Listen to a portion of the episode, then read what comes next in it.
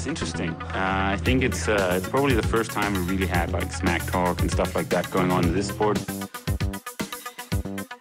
He's definitely been more successful here I mean, in, in Hawaii.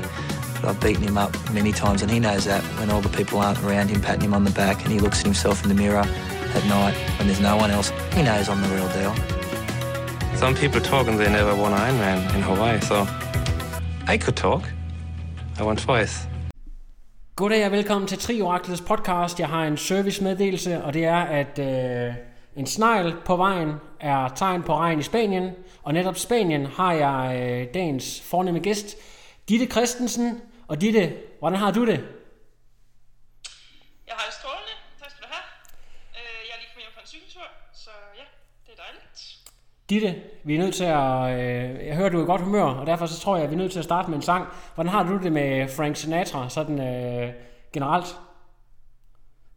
Altså nu må jeg jo indrømme, at jeg, jeg kan godt lide at lytte til musik, men jeg ved faktisk absolut ingenting om musik. Godt. Så jeg kan ikke engang, øh, ja. Jeg har i hvert fald øh, fundet det her stykke musik, jeg synes, der handler om dig. Så øh, nu kan du bare lige læne dig tilbage et minuts tid, og så kan vi lige høre den, og så kan vi snakke om dig bagefter. Er du klar? Yes, Så kan du lige se, om du kan tænke, tænke lidt over teksten.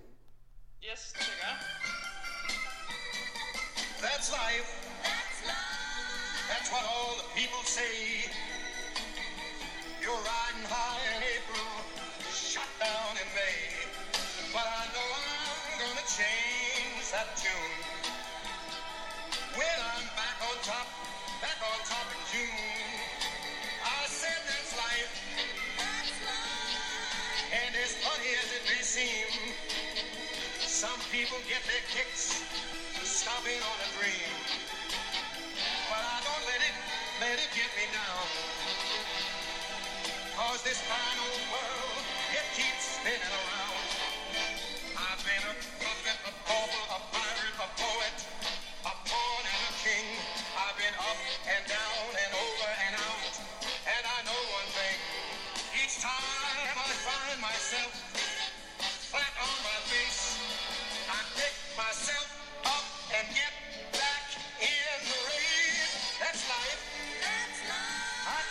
Og så siger vi farvel og tak til Frank Sinatra.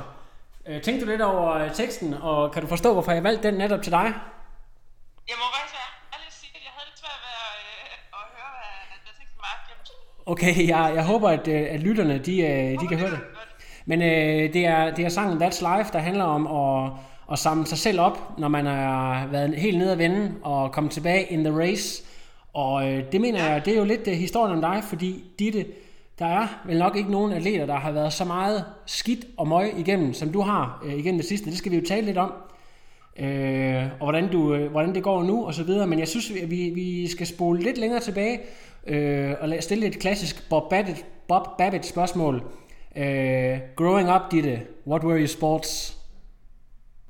Jamen, øh, jeg startede faktisk med at, øh, at danse ballet, som øh, er det er der meget, meget få, der tror på, når de ser mig i dag. Øh, især fordi jeg typ, har en sådan lidt typisk øh, svømmerskulder.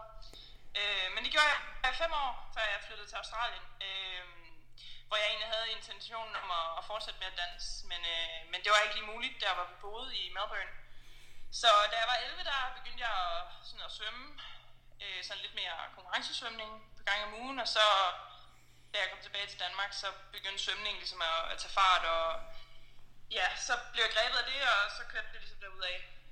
Og så var det jo så derefter svømning, der førte mig ind i, ind i triathlon. Det er jo, øh, altså triathlon og svømning er jo øh, to kæmpe store sportsgrene i Australien. Kan du prøve at fortælle lidt mere om, øh, om kulturen, hvis du allerede har tænkt over det på det tidspunkt, eller er det måske for tidligt, til du sådan har tænkt nærmere over det? Jamen nu var jeg kun 11, men jeg kan faktisk huske øh, rigtig meget. Der er ingen tvivl om, at, at det år, jeg havde i Australien, det, det ændrede mig sindssygt meget, øh, og, og har præget mig også, har præget den, den retning, jeg har, har taget i mit liv nu. Øhm, og jeg kan tydeligt huske den seriøsitet, der var omkring, omkring svømning dengang. Også selvom jeg kun var, jeg var faktisk kun 10, da vi kom derned. Øh, så var det, altså det var relativt elitært, øh, og jeg kan huske, at kulturen bare var en, var en anden. Jeg kan tydeligt huske, at vi havde to faktisk tidligere olympiske svømmere som, som trænere, selv i en meget ung alder. Øh, og øh, jeg kan huske, at vi svømmede, vi svømmede udendørs, og så øh, startede vi altså træning med at skulle ship et bestemt, bestemt antal gange som opvarmning. og så løbe rundt om, øh, rundt om udendørsbassinet. Øh, og det var sådan en oplevelse, jeg ikke ellers har været vant til. Øh, så det var noget, der ja, jeg i hvert fald tydeligt kan huske. Noget du har mødt Ian Thorpe, eller det var øh, det, er- det er efter hans karriere? Det er faktisk, øh, det kan ikke være løgn. Øh, så ja, jeg har, jeg har set ham. Jeg har ikke mødt ham som sådan, men han var faktisk at træne, der hvor, hvor jeg trænede på et tidspunkt, øh, hvor jeg kan huske, jeg så ham. Men øh, jeg tror ikke, jeg havde helt nogen idé om på det tidspunkt, hvor, hvor stor en betydning han har haft i, i historien, i svømmehistorien. Den størrelse 52 vil man kunne kende alle steder, men øh, fair nok, fair nok. Øh, nej, øh, Ditte, øh, du har en, øh, en billet baggrund og er kommet ind i svømning. Øh, triathlon, hvornår starter det for dig, og hvor gammel er du, da du Jamen, øh, opdager sporten? i, i 2010, øh, hvor jeg... Øh, man kan sige sådan, der er rigtig mange atleter, der stopper med at svømme, træt af at. For mig var det et spørgsmål om, at jeg gerne ville være den bedste. Øh, og det vil jeg egentlig også i svømning. Øh, men jeg har ikke, jeg har ikke nat- kæmpe stort naturligt talent for svømning, så jeg var villig til at lægge timerne i det, men, øh, men ja, jeg kunne godt se, at jamen, det var, altså, jeg var ikke på det niveau, hvor det måske krævede, som det krævede, hvis jeg gerne ville være verdensmester. Hvilket ikke er nogen hemmelighed, at, at det vil jeg gerne i, ja, i den sport, jeg nu udøver. Øhm, så i, ja, i 2010, det var ligesom der, at ungdomslandsholdet også sådan for alvor begyndte at blive startet op. Eller det der på det tidspunkt hed udviklingsteamet, tror jeg. Var det, Øh, og så jeg er mødt op til en, til en samling, øh, sådan en jagttagelsesamling, som det hed, øh, og så hedder, øh, og løb en 1000 meter. Ikke sådan super hurtigt og svømmede, heller ikke sådan helt fantastisk, men hederligt. Øh, og fordi at der på det tidspunkt var så få piger, så blev det også relativt hurtigt, allerede i 2011, en del af, en del af ungdomslandsholdet. Øh, var det, så Ras, købte- undskyld, jeg afbryder dig. Var det Rasmus Henning, der var ambassadør på det tidspunkt? Ja, det var det. Det var det. Det, var det. Øh, det var faktisk, det var faktisk sådan, det var lidt sjovt, fordi jeg havde egentlig ikke selv sådan tænkt, at jeg skulle i gang med triathlon. Øh, som sådan, jeg havde faktisk overvejet at skifte atletik først, øh, fordi jeg godt kunne lide at løbe. Øh, men så var det faktisk min daværende træner, Mette Overgaard, der tog fat i, i Rasmus Henning og, og, og tilmeldte mig den her jagttælsesamling, uden jeg vidste. Og så tog hun så med mig til den første jagttælsesamling. Er det Anne Mette, Å, Anne Mette Ågaard, altså den tidligere øh, danske mester i maraton? Nej, det er det ikke. Nej, okay. Øh, jeg svømmer fra, fra Sto. Okay, Og, ja. Hun svømmer ikke mere, hun, er, ja, hun arbejder nu. Okay, bare lige for at få navnene helt på plads. Fint nok. Øh, Ja. Og det er, jo, det er jo det, der startede med at hedde øh, Team Specialized, eller hvad var det, det hed? Den, den Ja, var, lige præcis. Ja. Lige præcis. fantastisk. Jeg, jeg, jeg kom så på efter det stoppede med at hedde Team Specialized. Det Ja. var sådan det første år, blev de sponsoreret af Specialized. Ja. Øh, men da jeg kom på, altså jeg, jeg fik aldrig nogen Specialized. Ja. Så Damn it! Det gælder mig. Øh, kan du ikke lige, øh, bare fordi det er lidt spændende, øh, jeg kan ikke engang huske, hvem, øh, kan du ikke lige nævne, hvem der stadig er aktiv for det, for det hold dengang, så man ved, hvem der er, til, hvem der er tilbage i, der stadig dyrker triathlon? Jo, nu med far for, at øh, jeg glemmer nogen. Det er der ikke nogen, der må hænge mig op på. Men øh, altså, Thomas Strange øh, var på dengang, og Mikkel Jensen, som også stadig kører, kører tri, og, øh, og øh, så Kasper Stenderup, han har lige indstillet sådan, sin, sin professionelle, eller elitekarriere, hvis man kan sige det sådan. Øh, så var der... Hvad fanden var det? Jeg kan nærmest ikke engang huske det.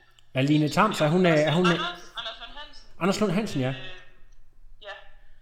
Og så er der jo, var der jo en del andre, som så siden er, er faldet fra, eller altså stadig dyrker tri, tri men ikke på, på landsholds- eller elite-niveau. Øh, jeg må, jeg må ærligt sige, jeg kan faktisk ikke helt huske det. Det er ved at være mange år siden. Øh, Line Tams kommer hun senere end, øh, end de... ej, Line var der også. Line var også, okay. Hun startede også før mig. Hun startede i 2009, så vidt jeg husker. Ja, Men hun var Ja, okay. Øh, ja, vi var jo kun... Vi var ikke så mange piger på det tidspunkt. Nej. Øh, så.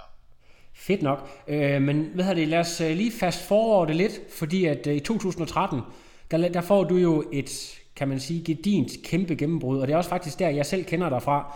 Øh, øh, det kan være, du selv vil fortælle om øh, dit junior-VM, bare lige sådan lidt kort om, om, om ræset og dit resultat. Ja, øh, det var... Øh, det var, det var, øh, det var nogle mærkelige... Det var et mærkeligt år for det første. Øh, jeg, øh, jeg, jeg, jeg vil lige starte lidt tidligere, fordi at jeg, jeg kørte faktisk Øh, jeg startede allerede med at... Jeg kørte min første international race i 2011. Øh, og klarede mig hederligt, men det var ikke sådan... Så det var mest på løbet, at, at tingene haltede. Øh, men jeg døde meget med skader de første par år, øh, fordi jeg havde en svømmerbaggrund og ikke var vant til den belastning, som løb nu er. Øh, men så i 2013, der fandt jeg endelig, endelig noget kontinuitet øh, i min løbetræning. Og det var faktisk sådan, kan jeg huske, at fra, fra sådan foråret 2013 og, og frem til efteråret 2013, der forbedrede jeg mig helt vildt meget. Jeg kan tydeligt huske det. Træningen, det var sådan fra uge til uge. Det var bare, jeg løb bare hurtigere og hurtigere. Øh, det, var, det var vildt motiverende. Øh, og meget vild oplevelse. Men også lidt farligt, fordi man bliver meget grebet af, det, af den der udvikling. Man tror, den aldrig kan stoppe. Øh, så jeg kørte ikke så mange stævner, kan jeg huske, der i, i sådan hen over sommeren 2013. Jeg kørte mest nogle danske stævner, ikke som sådan så meget internationalt. Jeg tror, der var nogle få junior World Cups. Men så kom vi til VM, og det var mit første VM, junior VM. Jeg havde, jeg havde tidligere kørt øh, e. i, i 2012, hvor jeg blev nummer 31, som ikke var ikke var noget at råbe for, og så i 2013 var jeg, var jeg blev nummer 15, så det var et lille step up, og det var heller ikke sådan et fantastisk resultat. Men så mødte jeg fra, så mødte jeg, øh, så mødte jeg så op der i London, og øh, jamen, så gjorde jeg jo egentlig bare det, jeg nu skulle gøre på dagen. Øh, og havde en super svømning i, i fronten, øh, og øh, jeg kan huske, det regnede. Det var rigtig koldt i London det år. Øh, ja, og cyklingen gik fint, og så løb jeg bare med det var, det var en helt vildt syret oplevelse, kan jeg huske, fordi jeg, jeg havde ligesom været vant til at være hende, der, der kunne sidde med i front, øh, og, øh, og også cykle rigtig godt, øh, men at jeg så, så løb jeg typisk løb ned bagfra, som man kan sige sådan. Men lige pludselig så kunne jeg være med, og, øh, og det, var en, det var en fed, fed følelse.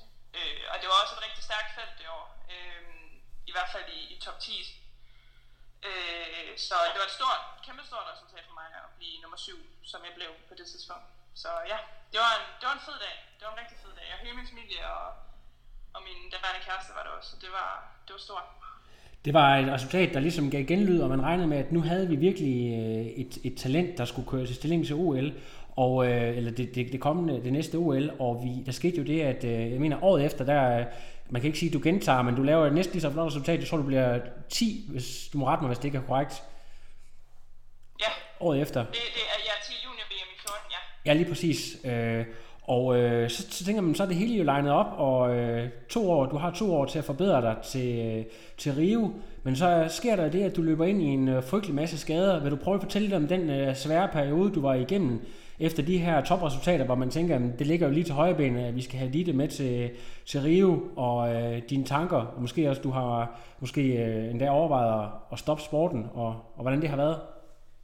Ja, det er jo en øh, det, det, er en det, det er en lang historie, og det, det, er, det har været lille år på godt og ondt, øh, men jeg tror, tingene gik rigtig, rigtig hurtigt øh, fra det junior VM, hvor jeg blev nummer 7, hvor det på det tidspunkt var det bedste danske junior VM resultat øh, i, i mange år. Det var, og ja, som du siger, siger så galt det ud. Øh, og det var også et stort resultat. Desværre så året efter, der gik jeg faktisk, at jeg bliver, og jeg ved også, at jeg kunne i hvert fald have kørt top 4, men jeg, ja, der var mange ting, der gjorde det, men sidste ende så var der nogle ting, der gik helt galt i skiftet, og jeg mistede første gruppe, og ja, så det blev desværre ikke det sidste junior hjem som jeg havde håbet på. Men, men for ligesom at skulle lidt tilbage, så det, tingene gik, gik hurtigt. Jeg, øh, for at sætte tingene lidt i perspektiv, så i sådan slut 2012, start 2013, der kunne jeg nok off-bike løbe sådan noget lige under, måske sådan noget 1930 eller sådan noget, øh, på en 5 km øh, på en god dag. Øh, og i, i foråret 2014, der, øh, der løb jeg 17, sådan noget 17.30, 17.40 off bike. Så du rykker to minutter af på meget kort tid, kan man sige? På, på meget kort tid, ja. Øh, så det gik rigtig hurtigt, det betød jo bare, at når jeg nu godt, jeg havde svømningen OK med, og jeg var, jeg, jeg var også relativt stærk på cyklingen, så gav det lige pludselig en masse muligheder. Øhm, så 2014 startede jeg ud med at jeg kan huske, vi startede med faktisk, øh, Lina og jeg, at køre øh, Bundesliga på en, for vores tyske hold Lemgo, og kom på podiet meget overraskende. Øh, vi kørte faktisk som der nok er, mange, der kender inden for langverden nu, fordi hun gør det sindssygt godt på 73. Ja. Og tidligere, jeg kan ikke huske, hun har noget sølv til junior, junior VM i noget løb af en eller anden art. Men øhm, det var i hvert fald, der, der løb både Lina og jeg rigtig hurtigt. Øh, og det var ligesom, det satte sådan, det var, det var starten på 2014, og det var, det var noget af en, af en start. Øh, og så tog vi til Kina, og øh, hvor jeg også løb godt, desværre ikke, ikke fik, fik så godt resultat, men det var ligesom med det formål om at samle point, for at kunne komme til start til de her OL-kvalifikationsstævner. Og det er jo sådan, at når man skal kvalde til OL i triathlon, så øh, er det en toårig kvalifikationsperiode, der starter i, i maj måned, øh, to år før OL, det vil sige, det var i maj 2014, og så er der så 14 resultater i alt, der tæller i løbet af de her to år. Så det, er jo, det handler om at være consistent. Det er ligesom det, der er, er nøglen til at, at komme til OL. Øhm, men øh, ja, så øh, havde jeg et, øh, en rigtig god sommer i 2014. Jeg vandt meget overraskende bronze til en, til en World Cup i Kina. Øh, og det var, det var et kæmpe stort resultat også, fordi jeg var junior endnu på det tidspunkt, og der var ikke mange juniorer, der havde været på, på, en, på et World Cup podie. Det skal da også også siges, at det var et relativt lille, øh, lille felt, men ikke desto mindre, så fik jeg, fik jeg rigtig mange, øh, rigtig mange OL-point med hjem. Og også rigtig mange penge, som på det tidspunkt var, var meget vildt for mig, fordi jeg aldrig rigtig havde vundet øh, de store beløb i min karriere før. Det begynder at lugte af, af, af fuldtidsprofessionalisme, kan man sige. Ja, men det var faktisk sådan lidt. Altså, jeg har aldrig haft et job, fordi jeg altid har været, har været så dedikeret til min sport, og har brugt al min tid på at gå i skole og, og træne, så jeg har aldrig haft vant til at, at tjene mine egne penge. Så på den måde var det meget stort for mig, at wow, nu lige pludselig så havde jeg faktisk nogle penge, som jeg helt selv havde, havde, øh, havde fortjent. Øh, og det var, det var en fed følelse. Fedt. Men det gjorde jeg også, at lige så stod jeg med rigtig mange point, og vi kunne godt sige, okay, hvis hun kan fortsætte sådan her, så, så kan hun godt komme til OL. Men vi vidste jo også godt, at det krævede, at jeg præsterede øh, godt igen og igen. Øh, og det gik også godt, øh, det øvrige af 2014. Jeg havde en meget solid, solid periode, øh, i hvert fald stævnemæssigt. Men jeg vil så sige, at i, i slutningen af, af 2014, der, der begyndte tingene virkelig at, at falde fra hinanden stille og roligt. Øh, og det skal vi sige, det mener jeg på den måde, at der, jeg havde simpelthen øh, jeg havde for meget at se til. Øh, Studie, eller øh, Ja, øh, var- eller hvad er vi ude i? ja, altså når jeg kigger tilbage, så var det, så var det helt vanvittigt, det jeg havde gang i. Altså jeg tog fire år i, i gymnasiet, men alligevel så, så jeg havde simpelthen så travlt. Altså Må- de dage, jeg havde, de var bare, de var benhårde. Må jeg prøve at stille dig et lidt Øh, personligt og- spørgsmål? Øh, Er, er du også sådan en uh, high achiever i skolen, sådan en, der også gerne vil være den bedste i, i, i Ja, gymnasiet? det er jeg. Okay. Øh, desværre, vil jeg sige. Fordi det er helt sikkert noget af det, der har gjort, at jeg sidder der, hvor jeg sidder i dag. Øh, på godt og ondt. Øh, der er ingen tvivl om, at jeg, jeg vil gerne have høje karakterer. Øh, jeg stiller høje krav til mig selv, og det gør jeg stadig. Heldigvis er jeg blevet bedre til at, at tage den lidt på, med ro på den akademiske front, øh, når jeg nu går så hårdt efter at gøre det godt i, i, i min sport. Men på det tidspunkt, der, jeg havde bare også, jeg gik i skole 10 km hjemmefra, jeg trænede tre, tre til næste uge, som også ligger, ligger 8, universitetet ligger 8 km fra der, hvor jeg bor, og jeg cyklede frem og tilbage øh, for det meste. Øh, så det, det var bare en kæmpe belastning, og det var det svært at, at få pakket nok madpakke, og det var svært at få nok at spise, det var svært at få sovet nok, og der var det der OL-pres, og meget træning, og det hele, den samlede sådan load, hvis man kan sige det sådan, blev, blev simpelthen for høj.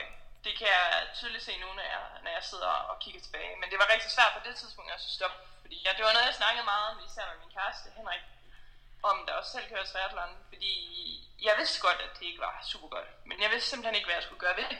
Du er altså 19 år på det her tidspunkt, ikke sandt? Ja, det er. Øh, det er. Øh, så ja, og så... Ja, ja, på det tidspunkt manglede jeg stadig øh, et år i gymnasiet. Øh, og det var, det var sådan det andet januar 2015, der var jeg... Der vil jeg gerne indrømme, at jeg var meget... Jeg, jeg sad og overvejede at, at faktisk tage overlov eller droppe ud af gymnasiet. Øh, fordi jeg, jeg, jeg, gik, jeg gik ned med stress. Øh, det gjorde jeg faktisk. Okay. Øhm, sådan, ikke at det blev diagnostis, eller hvad hedder sådan noget? Jo, diagnostiseret, præcis. Men det var, det var slemt. Øh, det var rigtig slemt i perioder, og jeg havde nogle rigtig, rigtig dårlige dage, og Mm. nogle rigtig dårlige uger. Øh, og måneder frem til min studenterperiode øh, i sommeren 15. Men, Men- men, øh, men, men ikke desto mindre, så fik jeg en kontinuerlig sådan, træningsperiode i vinteren 15, og så formåede jeg også at levere min karrieres bedste resultater i, i foråret 15, inden det hele ligesom begyndte at falde fra hinanden. Det er utrolig stærke sager at høre her, men jeg, jeg synes, det er interessant at bemærke, at du siger til mig, at du overvejer at droppe studiet og ikke i triathlon. Så triathlon er første prioritet.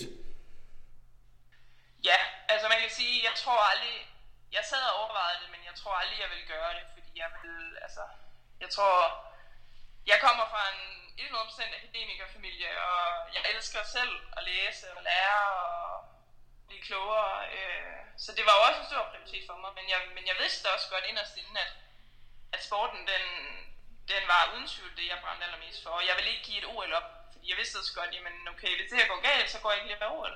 Øh, men på det tidspunkt manglede jeg bare, jeg manglede kun et par måneder, ikke? så jeg troede, okay, nu skal jeg bare igennem det her. Og så har jeg frihed, så er jeg fuldtidsprofessionel, så har jeg det helt år til at blive klar til Rio. Ikke? Men det jeg bare ikke vidste på det tidspunkt var, det var, at det pres, jeg havde kørt mig selv med i måske halvandet år, det, det ville tage lang tid at komme over. Øh, og det gjorde det også. Og det har taget længere tid, end jeg nogensinde havde troet, det. Ditte, jeg er bare nødt til at sige, at øh, alle de personer, jeg har interviewet, der har, tror jeg ikke, jeg har hørt nogen, der havde så vildt et elite-mindset, som du har. Jeg synes, det er helt fantastisk inspirerende. Jeg sidder bare og bliver sådan lidt smårørt, mens jeg sidder og snakker med dig her. Øh, jeg håber også, der er folk derude, der, vil, øh, der, der sådan bliver, jeg ved ikke, øh, hvor mange der kender dig personligt, men jeg synes, det er, det er virkelig inspirerende sager, det her. Øhm, og det, det er en fed, fed historie. Prøv at høre, øhm, der sker jo det på et tidspunkt, øh, efter nogle år, at du vælger at sige, det er så efter, at du er blevet student, går ud fra, at du takker, øh, siger farvel og tak til SDU. Er det også noget med den her lidt tunge periode, at du trænger til luftforandring? Øh, hvad, hvad sker der der, vælger at sige tak, til, tak for nu til SDU? Ja, øh, altså nu vil jeg jo gøre historien længere, men jeg er nødt til at fortsætte den, fordi det er, der er lavet mange tanker bag det, og Oh, ja. ja. det var blandt andet det opløb, jeg ligesom havde til, ja, eller, hvad skal sige, den tid, jeg havde efter min, min studentertid, hvor jeg blev, jeg blev færdig, og jeg øh, tog faktisk på træningslejr her, hvor jeg, hvor jeg er nu, i Banyoles i Spanien med det newzealandske landshold, øh, for ligesom at få tingene lidt på afstand og fokusere på min træning. Sammen med Og Andrea Hewitt. Hun var der ikke på det tidspunkt, men Okay. med nogle af de andre, øh, blandt andet øh, Brian Sissons og, og hvad hedder han, Tony Dodds og nogle af pigerne. Øh, men øh, det var ligesom, så tænkte jeg, jeg tog afsted, og så tænkte jeg, okay, det kan kun blive godt det her. Nu er tid til at træne, det hele. Men på en eller anden måde, så fik jeg kørt mig selv lidt i seng på den her lejr. Øh, jeg var i stjernegod god form, jeg løb sindssygt hurtigt, øh, men jeg var træt. Jeg var rigtig træt. Øh, jeg tog til Hamburg, og øh, formåede at, at ødelægge Jodie Stimsons, som var på det tidspunkt var, ja, hun havde været ude i noget tid, men, men jeg har jo tidligere været, verdensmester, eller i hvert fald vundet sølv, øh, og jeg er jo en af verdens bedste atleter, men jeg formåede at ødelægge hende bag, så jeg kan op i hendes hjul, øh, og fik hendes øh, bare skiftet til at falde af, og på den måde havde jeg også min andre race. Øh, Så I er, ikke på, I er ikke på julekort, eller hvad? I to? hvad? I er ikke på julekort, I to? Der er Simpson. Nej, jeg gik hen til hende, og jeg sagde til hende efter, at det var mig. Og jeg sagde, fordi hun vidste ikke, det var mig, og jeg sagde, at det er jeg virkelig ked af, for jeg havde det simpelthen dårligt over det. Øh, jeg gjorde det jo ikke med vilje, men det var ikke en fed følelse, og det satte hun også pris på, tror jeg. Så, så vidt nu jeg er ikke en, jeg kender personligt, så det, jeg har ikke snakket med hende siden, men jeg tror ikke, at hun den dag i dag stadig, stadig er sur på mig. Det håber jeg i hvert fald ikke. Øh, nå, men nok om det. Øh, så blev jeg syg efter Hamburg. Øh, jeg, der var flere atleter, der blev syge, og jeg har stadig en idé om, at det var vandet, der gjorde det. Og jeg har aldrig været så syg, og det mener jeg ikke. Altså, jeg, jeg, det var sådan, at jeg var alene hjemme, fordi min mor hun arbejdede. Jeg altså, altså jeg 20 år på det her tidspunkt, og, hun, og det var sådan, jeg var nødt til at få hendes veninde til at hente mig, fordi at jeg havde det så ringe, at de, altså, jeg turde ikke være alene. Øhm, og ugen efter, der havde jeg så EMU 23, og jeg, jeg gik benhårdt efter at vinde den titel. Øh, det ville jeg sindssygt gerne. Det var et kæmpe stort mål for mig. Øhm, og jeg troede også på, at jeg kunne, hvis jeg virkelig ramte den. Men øh, jeg lå så syg, og før vi tog afsted alligevel, selvom jeg blev sådan ret torsdag eller sådan noget inden racet. Jeg tog afsted, men jeg, jeg kan huske, jeg kunne ikke få noget ned, fordi at min mave havde det så skidt. Så dagen inden race, der min aftensmad, det var, øh, det var, jeg kan huske, jeg fik en stor kop varm chokolade og en masse hvidt brød. Det var sådan det eneste, jeg kunne, jeg kunne få ned. Øhm, men ikke desto, ikke desto mindre, så havde jeg et, et hederligt race.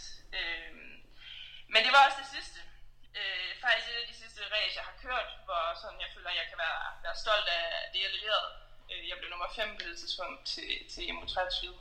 Øhm, og øhm, ja, efter det, så, så gik det helt, helt galt. Jeg havde det, jeg, det var overtræning. Det, er, det var en blanding af overtræning og, og stress. Øhm, en masse ting. Det, min krop kunne simpelthen ikke holde til det. Øh, jeg, havde, jeg pegede for hårdt over alt for lang periode. Og det var også så i, jeg var i Ungarn og kørte stævne øh, en World Cup og udgik for første gang i mit liv. Øh, og jeg var helt færdig. Altså jeg kan tydeligt huske det. Jeg udgik, og jeg faldt bag på jorden, og jeg græd bare. Og jeg græd, og jeg græd, og jeg græd. Og det virker så åndssvagt nu, når jeg kigger tilbage, fordi det var bare... Jeg udgik bare, og det var ikke verdens undergang, men jeg tror, det var sådan en kæmpe stort nederlag for mig, fordi jeg på en eller anden måde havde ventet mig til at være så consistent, som jeg var. Øh, jeg har været vant til, at okay, hvis jeg tog de rigtige beslutninger, og jeg trænede, som jeg skulle, og så videre, og så videre, så, så kunne jeg godt levere. Og lige pludselig, så kunne jeg bare ikke levere. Øh, jeg, kunne bare ikke, jeg kunne bare ikke løbe, jeg kunne ikke noget som helst. Øh, og så efter det, så var det hjem, blive undersøgt. Min mave var helt ude og, og skide for at sige det mildt. Øhm, og jeg brugte uger på at finde ud af, hvad der var galt. Og ja, der blev aldrig rigtig noget. Der var øh, en idé om, at jeg havde nogle altså sådan begyndende mavesår og så videre. Øh, men der blev aldrig rigtig sådan taget stilling til, hvad der var. Eller fundet ud af, hvad der var galt. Øh, så i sidste ende var det sådan lidt, jamen okay, det er overtræning. Det er derfor, at du er træt, du er smadret, du kan ikke noget som helst. Øhm, så resten af 2015 blev, blev rimelig ødelagt, og jeg kørte tusinder mere, men det var mest sådan bare for at blive klar til, når 16 den gik i gang, og slutningen af ol ligesom skulle, skulle i hus. Øh, men tilbage nu, jeg kommer lidt væk fra dit oprindelige spørgsmål, men det er fordi, det er lidt... Jamen, tag, tag det hele med. Det er guld. Det er virkelig guld. Du skal bare fyre løs. Øhm, men det var ligesom det, der gjorde det, kan man sige. Det var, at de der år, sidste år i gymnasiet, hvor jeg var simpelthen så presset, at jeg ikke kunne nyde det, som jeg gerne ville. Øh, for det kan godt være, at jeg er en achiever, eller high achiever, eller hvad man kalder det, og at jeg gerne vil noget, men jeg også vil lide at, at have det sjovt og have tid til at være mig selv og, og, og nyde mit liv, og det havde jeg bare ikke. Og jeg kunne mærke, at jeg var simpelthen kørt død i, i mit død derhjemme, og det var ikke som sådan på grund af de mennesker, der var der overhovedet, eller trænerne, men mere bare omgivelserne. Altså du ved, jeg har også boet i Odense hele mit liv, og, og det var, jeg, jeg havde brug for frisk luft, brug for nye udfordringer, brug Ja. for, at der skulle ske noget helt nyt, og jeg ligesom kunne viske tavlen ren. Ja. Men jeg vidste også godt, at det ikke ville komme til at ske før OL, fordi på det her tidspunkt regnede jeg stadig med, at jeg skulle til OL. Øh, og jeg ville ikke skifte træner inden, øh, inden OL, og jeg var rigtig glad for at have Kasper Geil, øh, og havde haft ham i mange år, og, og stadig, stadig i kontakt med Geil, øh, og sætter stor pris på alt det, han har, har lært mig. Øh, så det var ligesom en blanding af mange ting. Det var mest den hårde periode, jeg havde, der gjorde, at jeg var simpelthen nødt til at, at komme væk. Øh, og det er jeg også rigtig glad for, at jeg tog den beslutning. Ellers så tror jeg ikke, at... Så jeg er ikke sikker på, at jeg havde kørt fri den dag i dag. Jeg er nødt til at lige spørge dig, om du nogensinde har hørt øh, navnet Klaas Bjørling, når vi snakker om overtræning. Øh, nej.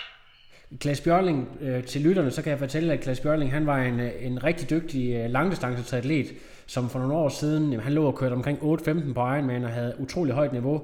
Øh, havde over 1000 træningstimer på, på et år, men han, øh, han blev simpelthen så overtrænet, at han nærmest ikke kunne, altså han, han kunne ikke dyrke sport i, i nærmest flere år efter. Øh, som et af de Ja. værste eksempler, man, man overhovedet har kendt. Så det, det lyder jo øh, til, at det, er, at det er noget voldsomt, noget du har været ude i, øh, og desværre ikke noget, man sådan skal, skal spøge med. Og det er jo ikke bare fordi, at du lige har, øh, har trænet lidt for meget i en kort periode. Det er selvfølgelig akkumuleret træthed over lang, lang tid. Øh, fantastisk Ja. øh, spændende at høre om, øh, men også lidt skræmmende. Ja, det er, det er, ikke- det er, ikke, det er lidt en klam størrelse, hvis man kan sige det sådan. Fordi for mig var det måske ikke nødvendigvis øh, mængden af træning, men mere, mængden af de stress-ting, jeg, eller stressmomenter, jeg havde udenom min træning. Ikke, du ved, ikke nok søvn, ikke nok at spise. For meget at se til, altså psykisk stress, og det betyder, det har også bare en stor, super stor indflydelse på ens restitutionsevne og hvad man kan levere til træning og konkurrencer og så videre, ikke? Så jeg tror egentlig mest, det var det, fordi jeg tror, nu træner jeg måske, jeg, jeg løber ikke så meget, som jeg gjorde dengang, men jeg svømmer og cykler mere, end jeg gjorde dengang. Øh, og jeg, har ikke, jeg er ikke særlig træt, altså, men det er fordi, jeg ikke laver andet. Altså, jeg laver ikke andet end at sove og spise og træne. Og Så det er øh, simpelthen studie, studiepresset, der, der, der, der dræner det sidste. Det tror jeg, du har en rigtig ja, vigtig pointe. Ja, logistikken omkring Ja. det, tror jeg. Men, øh, og det der med, at jeg skulle være 20 steder på en dag, det, Ja. ja. var, det var hårdt. Yes. Øhm, så kommer der, vi har jo haft øh, den her snak før via Messenger, fordi at, øh, jeg synes jo, det var rigtig spændende, da jeg øh, opsnappede, øh, som det orakel jeg jo er, at du var på jagt efter en ny træner, og jeg tænkte, at du måske skulle ud til JFT, øh, som både kan stå for Just Fucking Train, men det kan også stå for Joe Filials Squad. Øh, jeg, ved så ikke, jeg ved faktisk ikke om Paulo Sousa, er det, er det er han eget squad, eller er det også en del af JFT? Nej, øh, Paolo har sin egen gruppe, som Okay. jeg, jeg træner nu under, under Paolo Sousa ja. og, og hans gruppe, der hedder The Triathlon Squad. Men øh, hvis vi lige tager den lige et nyk tilbage, så var du ude og sondere terrænet og overvejede også øh, Leeds, og øh, ja, det er jo øh, home turf for, øh, for nogle af de allerbedste. Øh, men det fravalgte du. Øh, kan du ikke prøve at øh, lige fortælle lidt om valgene bag ved øh, Paulo Sousas øh, squad, og hvad han er for en type? Øh, lige øh, lidt, lidt i din udvæl, udvælgningsproces. Fortæl lidt om det. Jo, øh, det, var, det var endnu en af de der processer, der ikke var nemme. Jeg er typen, der, der, ud, der opsøger alle muligheder. Øh, og det er helt sikkert ikke altid en styrke, fordi det gør, at det er sindssygt svært for mig at vælge. Øh, men jeg var i kontakt med trænere over hele verden, og via min rejse rundt i verden og til World Cups og så videre, der har jeg også været i kontakt med rigtig mange atleter, så jeg, jeg har et stort netværk. Øh, og det udnyttede jeg øh, og kom med, og det var også blandt andet derfor, jeg tog på træningslejr med, med de nyzealandske landshold, øh, for at få en indblik i, hvordan det var. Øh, men ja, jeg, øh, jeg overvejede faktisk først at søge ind på et, et universitet i England, sådan et af de bedre universiteter, og sådan have lidt mere akademisk fokus. Men jeg kunne godt se, at det var ikke, det var ikke realistisk at kombinere det med triathlon. Øh, og så sidenhen så overvejede jeg øh, jeg lige, så jeg tog faktisk over og besøgte dem. Øh, det er jo der Brown Eagle er en træner, og Nam Stanford og Lucy Hall og så videre. Det er der, hvor de har deres nationale træningscenter. Så for mig at se, så var det jo et mega stærkt miljø at komme over til. Øh, og super universitet, og jeg synes faktisk også, jeg kunne godt rigtig godt lide universitetet, men i sidste ende så fravalgte jeg det, fordi at trænersituationen derovre simpelthen ikke var, var god nok. Der var ikke ligesom, øh, der var ikke, altså, der var mange atleter, der ikke, altså, der kørte lidt deres eget program, og det var ikke sådan helt struktureret, som jeg gerne ville. Jeg, Du har brug for mere hands-on, som man siger. Hands-on træner. ja, jeg havde i hvert fald brug for, at der var en, der, styre mig lidt, fordi jeg er typen, jeg kan super godt lide at træne, og jeg kan nemt komme til at træne for meget. Så jeg har brug for en, der kan sige til mig, at du skal ikke lige løbe en time i dag, du skal holde fri i dag, eller et eller andet, ikke? Så vil jeg bare lige sige til, undskyld, jeg lige afbryder dig, jeg vil lige sige til for the record, Thomas Lykke, hvis du hører med her, så skal du lige spidse ører. Det er bare en, en privat lyttermeddelelse. Ja, øh, men i hvert fald så endte det med, det var en svær beslutning, men jeg fravalgte det. Øh, så prøvede jeg også at finde jeg, søg, jeg fik tilbudt et scholarship på Arizona State University, hvor de lige har startet et, et et triathlon-program op. Øhm, og det var faktisk også en svær beslutning, fordi at det var, for det første var det jo betalt, og det var en en fed oplevelse at få det der college, den college-oplevelse, men men niveauet var simpelthen ikke højt nok. Jeg vidste godt, at jeg ville være et sted, hvor folk var bedre end mig. Øh, jeg ville gerne hen et sted hen, hvor det var verdensklasse-niveau. Og det var det ikke der, fordi det var mest var juniorer og så videre, ikke? Så begyndte jeg sådan at søge, jamen okay, hvor kan jeg, hvor kan jeg køre tri, samtidig med, at jeg, jeg er en del af et. Og i sidste ende var det faktisk min bror, der, der foreslog mig at søge ind på, øhm, på CBS. Øh, jeg læser nu International Business and Politics, og så ligesom ikke være der så meget, for at sige det pænt, øh, men mest, altså, ja, være der lidt mere on and off, fordi jeg er jo heldig, at man ikke behøver med op til undervisning, øh, og så ligesom have base i, i, sådan mit hjem i Danmark, men at rejse ud sådan meget af året på træningslejre. Øh, og det var så ligesom den model, jeg valgte. Øh, og i første omgang troede jeg, at jeg skulle være en del af, af Joels gruppe, Joel Filial, men øh, han fik et, et øh, forbundsjob i det italienske forbund, øh, og det gjorde, at han ikke kunne tage mig ind. Øh, og jeg tror, i bagspejlet, der var det også godt. Især fordi, at jeg stadig øh, ikke er tilbage med fulde omdrejninger. Øh, og det er jo bare en gruppe, hvor det er de bedste af de bedste, de bedste øh, og folk også kun får lov at være, hvis de kan træne 100%.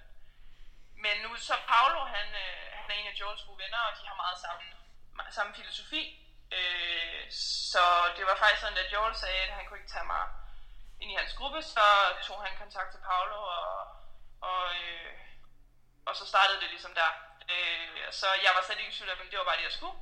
Så det var faktisk sådan, jeg, øh, jeg kan huske, Joel han skrev det til mig, så samme dag så skrev jeg til, til Paolo øh, på Messenger om snak, og så sagde han yes, og så ringede jeg til ham, og så spurgte han mig, så snakkede vi lidt, og så spurgte han mig, er du klar til at committe? Så sagde jeg, yes, jeg er klar til at committe. Og så dagen efter, bestilte jeg et flybillet til, til Kalifornien. Øh, og det var i november sidste år. Øh, og så var det ligesom det. Så var beslutningen træffet, og det var, det var sindssygt fedt. Ja, Paolo, han er jo, øh, han er jo øh, hvad er han ikke, øh, fra Portugal, ikke sandt? Portugiser? Jo, han, han er portugiser, men har boet i USA i 15 år. Ja. Kan du ikke fortælle lidt om sådan, hans personlighed? Øh, Han virker som en, en super intelligent fyr, også med en god humor, og sådan lidt den der med hans øh, øh, sådan, øh, kendetegn fra hans træningsfilosofi, hvis du bare sådan lige i korte træk kan komme ind på det. Jo, øh, ja, nu må du endelig bare spørge ind, du kan jo høre, jeg er lidt af en snakker, jeg er god til at komme ud af, et sidespor, det beklager, men... Øh, Du er guld for Så lytterne og for mig. Du er guld. Hvis du sådan vil, vil ind for noget mere specifikt. Men i hvert fald så er Paolo, øh, han er en, jeg kender ikke nogen mennesker som Paolo. Paolo han er bare Paolo. Øh, og han er bare 100% sig selv, og det er, det er pissefedt. Øh, men han, øh, ja han er også en af de mest intelligente mennesker jeg kender. Øh, han, har, han er, hvad hedder det sådan noget, mechanical engineer, og øh, har forsket inden for det, før han så blev træner lidt mærkelig kombination, men øh, spørg mig ikke. Han er i hvert fald dygtig til det, han laver, øh, også i triathlon, og har mange års erfaring med det nu. Øh, men han er, han er meget, han er, for det første er han meget dedikeret til det, han laver. Øh, han er jo, han rejser med gruppen året rundt, øh, og han, hans kone, vi er jo baseret i, vi er base i Kalifornien, og hans kone bor faktisk på Østkysten. Så det siger også noget om hans commitment til, til hans gruppe atleter. Øh, han er der 100% for os atleter, og det er, det er super fedt, og det der er ingen tvivl om, at det bidrager virkelig til, til den succes, som, som gruppen har. Øh, men ja, han er, han er meget kendt på Twitter, øh, og det er lidt sjovt, fordi han er kendt for at være meget ligefrem og meget... Øh, også lidt et røvhul nogle gange på Twitter, men han er ret ligeglad. Når du siger, Når øh, når du siger lige frem, er det sådan noget med dopinganklager og øh, hvad, drafting Ja. og den slags? ja, bare gener, sådan meget generelt, så siger han bare 100% hvad han mener. Og ja, så gør han det jo også i spøjt tit. Øh, han har en sådan lidt, øh, ja, meget ligefrem humor. Øh, men han, ja, han er meget, meget mod doping på sådan, øh, altså det er jeg selvfølgelig også, og det er alle elite jeg håber er det, men, men ja, han, han gør meget for ligesom at, og, øh, ja, og kæmpe imod doping, hvis man kan sige det sådan. Øh, så ja, han er, jeg, jeg, jeg har virkelig svært ved at beskrive ham, fordi han bare er, man skal, man skal møde ham. Han er, en for sig selv, men han er virkelig dygtig til det, han laver, og jeg er virkelig glad for ham som træner. Til dem, som ikke ved det, kan du ikke lige prøve at nævne tre store profiler, der også er på holdet, så man lige ved, hvad det er for nogle big shots, du render rundt sammen med? Jo, altså nu er det jo kortdistanceatleter de fleste, så jeg ved ikke, hvor meget folk kender til dem. Ja, Øh, det, nu er jo det, så må de slå det op på, øh, på Wikipedia. Bare nævn det, så... Øh, ja, altså nu er det jo faktisk sådan, der er sket en stor udskiftning i gruppen, øh, fordi der er en del, der er gået på pension her inden for det, for det sidste år, øh, så det er en relativt ny nu, øh, men øh, som er, var til OL i Rio. prøv, du er stoppede- lige at prøve at spole tilbage, fordi du faldt lige ud. Du er nødt til lige starte forfra. Hvem var det, du sagde igen? Joe Malloy, Joe Malloy, ja. øh, en amerikansk atlet, han stoppede her i, lige inden jeg kom på holdet. Øh, altså Greg Billington, øh, som også OL i Rio, han, øh, han er også lige stoppet. Øh, og så er der Erik Lagerstrøm, øh, som Ja. ja. stadig er en del af gruppen. Øh, og så har vi, øh, så er der Taylor Spivey, der lige er, er blevet nummer to i Leeds, World Triathlon Series i Leeds, øh, for pigerne. Øh, så det var et stort gennembrud for hende. Øh, hun er også ny, vi er en ny pigegruppe. Øh, så er der Summer Cook, der sidste år vandt øh, VM-serien i, i Edmonton. Og så er der Matt McElroy, der er super hurtig løber, øh, og som inden for de sidste par år har lært at svømme, og nu faktisk er ved at kunne gøre sig gældende i, han har kørt på podiet i World Cup mange gange. Øhm, og så, der, er, der er rigtig mange gode atleter på, på meget højt niveau, men det er sådan dem, der er mest kendte, vil jeg sige. Øhm, og så har vi også en ny løber faktisk, det er meget spændende. En, der hedder Chelsea, Chelsea Sodero, der er tidligere amerikansk mester i løb, øh, og som har løbet 15-10 på 5 km. Som, Øh, det er hold da altså op. En kvinde, det her. Ja. Øh, Jo, men det er også, de skulle lige så sige det, det, det var da helt vanvittigt. Ja, det er rigtig hurtigt, og er, hun er godt svømmende efterhånden, så det bliver spændende. Øh, så det er virkelig fedt at være en del af et miljø, hvor altså, alle er for det første 100% professionelle, og er ud over mig, som jo så har et studie ved siden af, og er 100% committed til, til det, de laver. Øh, og det er, det er virkelig inspirerende at være en del af. Og det er fedt at se, fordi at for eksempel så sådan en som Taylor, øh, har jeg tidligere slået en del gange, og nu kommer hun så blevet en del af Paulus gruppe i år, og hun har bare virkelig udviklet sig. Øh, så det er fedt at se, hvordan Paolo også, altså de selvfølgelig samarbejde har, har kunne rykke hende. Så det er, ja, det er fedt at se den udvikling, der virkelig er sket for mange atleter med på holdet. Øh, nu, er, nu er trioaklet, det er sådan lidt for nørder, så øh, vi kan jo godt øh, gå lidt dybere ind og så prøve at fortælle lidt om en, øh, enten en typisk træningsdag, eller måske en typisk træningsuge, hvordan den ser ud, hvordan træningen er bygget op, så vi kommer sådan helt ind under huden på, hvad der er, der sker. Jeg synes selv, det er super spændende. Ja, jamen det synes jeg også selv. Jeg synes, det er mega spændende at lære, hvad... Der er så mange forskellige måder at træne på. Uh, lige telefonen. Og øh, det er det, der også gør tri fedt, øh, fordi at det kan kombineres på så mange måder, øh, og det kan gøres på så mange måder, og det er fedt. Øh, men ja, øh, jeg vil sige sådan, øh, Paulos, okay, for det første vil jeg sige, Paulos motto, det er lidt en joke, men det er også meget seriøst. Øh, det er do your job, og det er hashtaggen DJ, nej, DYJ. Det er jo Hvis man ser det nogle steder, DYJ, så står det do your job. Og hvis den skal være rigtig god, så er det do your fucking job. Så er det med F, ikke? Men, øh, men det er sådan hans motto. Og det er ligesom i bund og grund meget også hans filosofi, fordi det handler meget om, at øh, det handler ikke om at gå ud en gang om ugen og løbe et eller andet vanvittigt pas, og så tror man, man er virkelig bare er på rette vej. Men det handler ligesom om hver dag at få gjort hver eneste træningspas, lige meget hvordan man har, altså lige meget om det så er altså, i, på virkelig højt niveau, men ligesom bare hver dag at få pure wood, carry water, som han også siger. Øhm, og det, det er ligesom meget det, det handler om. Øh, og det kan man også se i den måde, vi træner på. Altså det er meget sådan,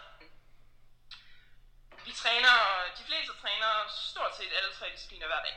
Øh, vi har ikke som sådan nogen hviledage. Vi har lette dage, vi har ikke nogen vilde dage. Der er ikke nogen dage, hvor vi kun træner én ting.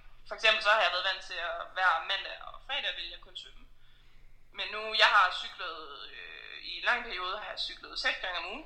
Øh, og øh, svømmet 6 gange om ugen. Er det ikke, usædva- så- er det ikke usædvanligt, at øh, på kort distance, at man putter så meget energi i, ind i cyklen? Øhm, nej, jeg tror ikke, ikke hvis du ser på altså, de bedste træningsgrupper i verden, også Joels gruppe for eksempel, så bliver der, fordi at du skal kunne løbe så hurtigt, øh, og du, de har også deres træningsmængde op lidt på cyklen, vil jeg sige. Øh, altså, du skal kunne løbe så hurtigt, efter du har cyklet 40 km benhårdt, så du er nødt til at have et meget højt cykelniveau, for ligesom at kunne, at kunne løbe så hurtigt øh, off-bike. Øh, så ja, men jeg kan sige, det er sådan, jeg har ikke for eksempel ikke cyklet, jeg har haft det, Så halvanden og 1,45. Øh, og så har det hele været, været cruise, som er det Paulus siger. Paulus sådan betegnelse til jævnt tempo. Øh, vi træner for eksempel, vi træner aldrig jævnt, eller let. Vi har aldrig noget let træning. Okay? Øh, ikke, ikke let, let. Øh, ikke sådan helt let. Ik- ikke bare sådan noget, om vi skal lige ud og rulle. Det, det findes ikke. Øh, Paolo, han er meget sådan no bullshit træning. Øh, det er... Altså, vi er ikke sådan... Der er nogle triatleter, for eksempel de norske triatleter, de træner måske 35 timer om ugen. Øh, vi træner måske 25 timer om ugen. Men der er smæk på. Ja, altså så jævnt tempo, det skal også være jævnt. Det skal ikke være hårdt jævnt, det skal være jævnt. Men vi har ikke, altså, han er, for eksempel, så hans argument for for eksempel ikke at cykle let, det er, at man typisk, hvis man for eksempel har et svagere ben, så vil det stærke ben måske til over. Og det kan være, at man begynder at kompensere og sådan noget. Øh, og svømningen kan det ødelægge ens teknik, hvis man ligger og svømmer let og så videre, ikke? Mm-hmm. Så det er meget, noget jeg virkelig har skulle vende mig til, det er, at det det, altså for eksempel de der 6 gange om ugen svømning, det er sgu hårdt. Fordi vi svømmer, vi svømmer 5-6 km 6 gange om ugen. Og det kan godt, det kan man altså, når man er vant til at svømme så meget, som jeg har gjort, så kan man normalt nemt svømme 6 gange om ugen, 5-6 km per pas. Men øh, vi svømmer bare jævnt. Eller hårdt. Altså det er sådan typisk, i svømning har vi to hårde pas om ugen, og i cykling har vi to hårde pas om ugen. Men det er så også to gerne, altså hjernedødt hårde pas. Ja. Øh, og de andre pas, altså i svømning er jævnt. Og det er sådan lange, vi har ikke nogen teknikpas som sådan. Vores, øh, vores svømmepas, det er, vi har to hårde, de har to hårde svømmepas om ugen, det er typisk mellem 1500 og 2 km hård svømning. Øh, for eksempel i dag, øh, svømmede vi i Åbenvand, øh, i alt 5400 meter, hvor vi svømmede 3 gange 500 race pace. Det var en Vanvittigt. hård. Vanvittigt. Øhm, og så for eksempel i går, der svømmede vi øh, som... Vi svømmer altid åbnet op bakke. Det, er sådan, det gør vi hver i min svømmepas. Bare valgfrit. Og når vi så har et jævnt svømmepas, så svømmer vi bare en lang jævn hovedsager, typisk mellem 4 og 5 km. Øh, I går svømmede vi for eksempel 9 runder af 100 meter steady, som er sådan A2 plus tempo, eller sådan lidt over jævn, øh, og så 400 øh, jævn tempo. Og det gjorde vi så 9 runder af. Så det var en hovedserie på 4500. Åh, det er, det er stærke sager. Og det, Det- gør vi så. Det gør jeg så 6 gange om ugen, ikke? Ja. Ja, det gør jeg så 4 gange om ugen, fordi så de to andre dage er det så hårdt, ikke? Hvad er filosofien bagved, at de ikke har nogen øh, rolige øh, hviledage? Er det, er det bare det der med at forsøge at holde tryk på kedlen for ligesom at... Jamen det er jo sådan, der er jo ikke, altså Paula er sindssygt god til at regulere træningsmængde, så der er jo ikke, altså der er endnu ikke, der er ingen, der er ingen træning, altså ingen øh, medlemmer i gruppen, der har problemer med overtræning for eksempel. Øh, det er jo bare sådan, vi har ikke nogen dage, hvor han kører folk helt i bund. Altså vi har heller ikke nogen, typisk ikke nogen dage, hvor vi træner mere end 4 timer om dagen. Ah, Så det okay. er sådan bare sådan lidt mere jævnt fordelt. Øh, eller måske 5 timer nogle dage, ikke? Men generelt så er det bare lidt mere jævnt fordelt. Så for eksempel de dage, hvor der bliver cyklet en lang tur, så bliver der også kun cyklet, og måske bliver der løbet, men der bliver ikke også svømmet, for eksempel. Øhm, så det er jo, altså så for eksempel mandag i går, det var for eksempel en let dag, hvor vi havde den der jævnserie, og så havde vi en let løbetur, øh, og så havde vi en let cykeltur. Eller det er jo så ikke let, det er jævnt, ikke? Øh, men det er jo sådan en lettere dag øh, på den måde, øh, fordi der ikke er, ja, jeg kan ikke helt svare dig på, hvad øh, sådan 100% hvad filosofi. Jeg, jeg kan kun sige, at det, for ham, for hans synspunkt er det et spild af tid at, at træne helt let. Øh, men det skal bare heller ikke forstås sådan, at det bliver leverpostejs- leverpostejstræning, for det gør det ikke. Altså vi træner jo, vi træner jævnt, men når vi træner hårdt, så træner vi også Rigtig hårdt. Ja, Så der bliver meget stor differentiering på det, vi laver. super Der interessant. var ikke noget, sådan, hvor man ligger bedre, eller noget, hvor man lige ruller en tur med puls 100. Øh, det, det, det findes ikke. Det må I gøre i jeres fritid. Nej, det er... Og der skal vi helst bare øh, ligge og chille. Ja, Ej, det, er, det er super interessant lige at få et indblik i, men øh, hvis vi lige prøver at øh, kigge lidt, fordi du sagde jo til mig, at du ikke sådan, øh, du er ikke på 100% endnu, er det korrekt forstået, øh, skadesmæssigt? Du er ikke helt skadesfri endnu? Det, det har været en øh, helt ufattelig lang øh, kamp at komme tilbage. Øh, og jeg er virkelig glad for, at jeg ikke vidste, hvad, jeg, hvad der ventede. Øh, jeg blev skadet i, først i, for, eller i januar, 9. januar 2016. Øh, og det var ligesom det, der ødelagde OL, fordi jeg kom mig ikke over den skade før ja, efteråret 16. Øh, så det var ligesom det, der gjorde, at, at jeg ikke kunne, kunne stille til start til OL. Øh, og så begyndte jeg at løbe igen i, i, for, nej, i efteråret 16. Øh, men så fik jeg problemer med min fod i, øh, i december. Og måtte tage 8 uger fri fra, fra løb. Øh, det var så samtidig med, at jeg tog til USA. Øh, jeg tog til USA i, for første gang i midt, midten af januar i år. Øh, og så begyndte jeg at løbe på LCG derovre. Altså hvor man løber med mindre kropsvægt. Ja, lige nøjagtigt. Og det gik fint. Og jeg fik øh, bygget stille og roligt op, cyklede rigtig meget, svømmede, begyndte at bygge min svømning tilbage, og det siges, at jeg tog til USA, der var jeg i lorteform. Virkelig jeg var virkelig i chok over, hvor dårlig form jeg var i. Det var helt forfærdeligt. Så det kan ikke anbefales at tage en halv år fri fra træning. Ja, okay. Den er hermed givet øhm, videre.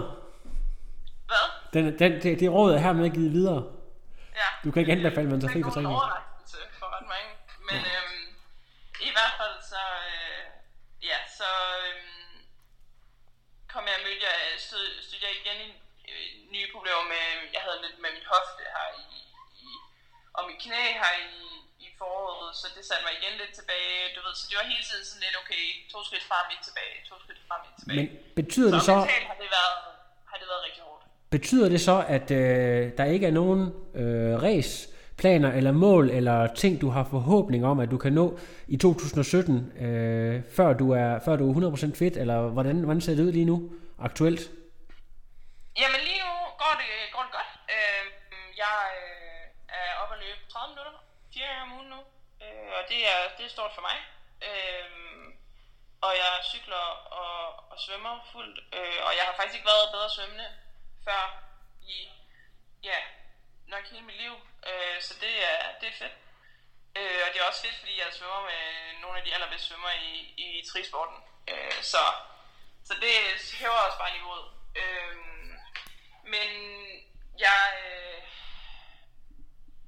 jeg vil sige sådan, der, jeg er meget sikker på, jeg er relativt sikker på, at jeg nok skal komme ud og køre stævnbanen for sådan relativt, inden for i hvert fald en til to måneder. Øh, men det bliver først i slutningen af sæsonen, at jeg sådan kommer til at være, forhåbentlig være virkelig sådan, virkelig godt kørende. Fedt nok.